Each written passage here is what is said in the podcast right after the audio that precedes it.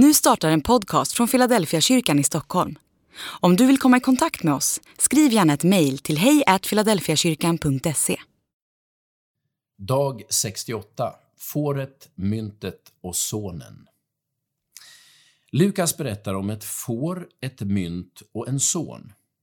Alla har kommit bort, men skälet till deras bortkommenhet skiljer sig åt. Sonen ger sig av hemifrån med vett och vilja.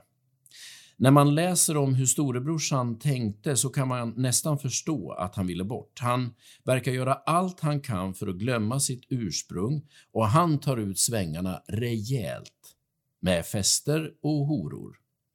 Den förlorade sonen är sinnebilden för omdömeslöshet och tanklöshet.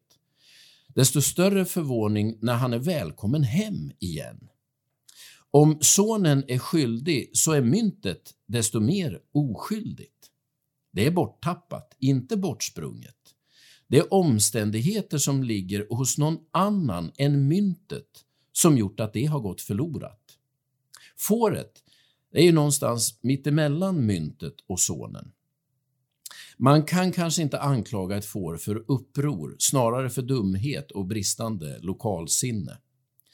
Jag gissar att om man kunde fråga fåret om vad som gått snett så hade, man, eh, så hade det svarat eh, jag bara råka. Ingen egentlig skuld, men ändå förlorat.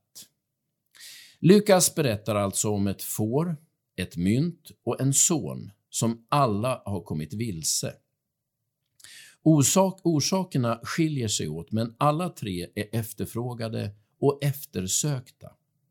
När de till sist kommer till rätta så blir reaktionen detsamma. Det blir fest och glädje. Slutsats? Det finns olika skäl till att människor kommer vilse, men oavsett skälen så är vi efterfrågade och eftersökta och Gud gör ingen skillnad när den förlorade kommer tillbaka hem. Det blir fest i himmelen.